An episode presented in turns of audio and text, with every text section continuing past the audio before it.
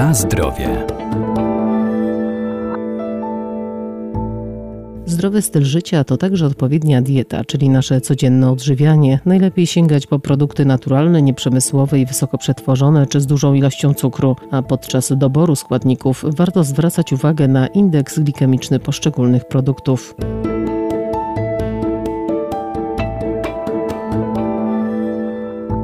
Spożywanie produktów o niskim indeksie glikemicznym to same zalety. Przede wszystkim nie powodują nagłego wzrostu poziomu glukozy we krwi. Są też trawione znacznie wolniej, dzięki czemu dłużej nie będziemy odczuwać głodu. Dostępność do tego rodzaju żywności jest istotna zwłaszcza dla osób chorych na cukrzycę czy otyłych, a także dbających o prawidłową wagę. Indeks glikemiczny informuje nas o tym, jak szybko po spożyciu danego produktu podniesie się poziom cukru we krwi oraz na dobrą sprawę też jak szybko ten poziom cukru we krwi spadnie. Dietetyk Maciej Pokarowski, Uniwersytet Medyczny w Lublinie. Im dana potrawa ma wyższy indeks glikemiczny, tym wykazuje ona większą zdolność do tego, że podnosi ona poziom cukru we krwi i gwałtownie on wówczas spada. Natomiast jeśli mamy produkt, który zawiera niższy indeks glikemiczny, to wówczas e, ten poziom cukru we krwi jest na bardziej stabilnym e, poziomie. Jeśli chodzi o takie produkty, które mają wysoki indeks glikemiczny, które szybko podnoszą poziom cukru we krwi,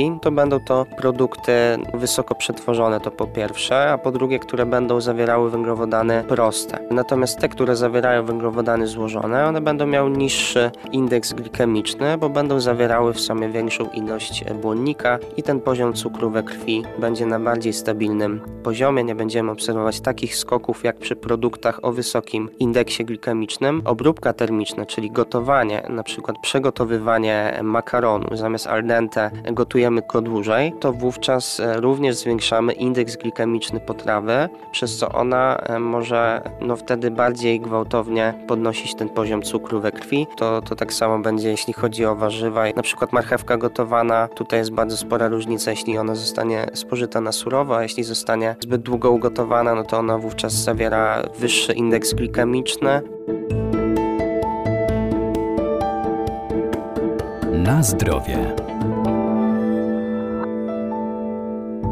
Zapotrzebowanie żywnościowe człowieka jest różne w zależności od jego wieku czy trybu życia, ale codzienna dieta powinna być dobrze zbilansowana, zróżnicowana, a także dobrana do indywidualnych potrzeb. Jedną z bardzo ważnych zasad zdrowego żywienia jest unikanie produktów, które zawierają duże ilości cukrów prostych. Jest to związane z tym, że mają one zdolność do szybkiego podnoszenia poziomu cukru we krwi. Następuje wówczas bardzo szybki, gwałtowny skok insuliny i długotrwałe narażanie organizmu na tego typu zjawiska kończy się e, tym, że rozwija się u człowieka insulinooporność. Insulinooporność, która później może manifestować się i przechodzić e, w cukrzycę. Z cukrzycy możemy już przechodzić do kolejnych e, bardzo poważnych chorób, więc tutaj powinniśmy bardzo uważać na cukier i słodycze. Oczywiście nie będę tutaj mówił, że złym rozwiązanym będzie spożywanie tzw. Tak węglowodanów złożonych, bo węglowodany złożone będą na pewno lepszym rozwiązaniem niż węglowodany proste. Z tego tytułu, że one będą będą powodowały, że ten poziom cukru we krwi będzie utrzymywał się na podobnym poziomie, nie będzie gwałtownego skoku cukru we krwi. Jest to związane przede wszystkim z tym, że zawierają one więcej błonnika, czyli no, produkty tego typu jak pieczywo pełnoziarniste zamiast pieczywa pszennego, czy ryż brązowy zamiast ryżu białego, makaron pełnoziarnisty, czy też warzywa i owoce, bo też są źródłem węglowodanów i błonnika,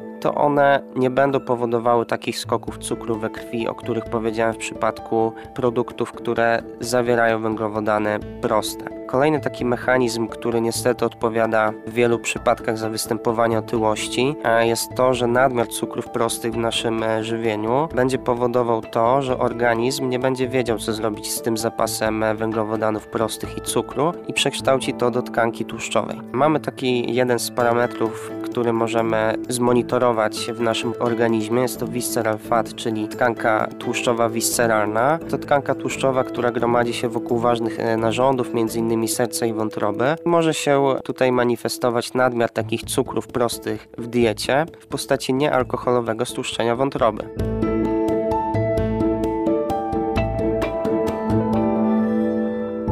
Warto też pamiętać, że zdrowy tryb życia to nie tylko odpowiednie nawyki żywieniowe, ale także codzienny ruch i aktywność fizyczna. Na zdrowie.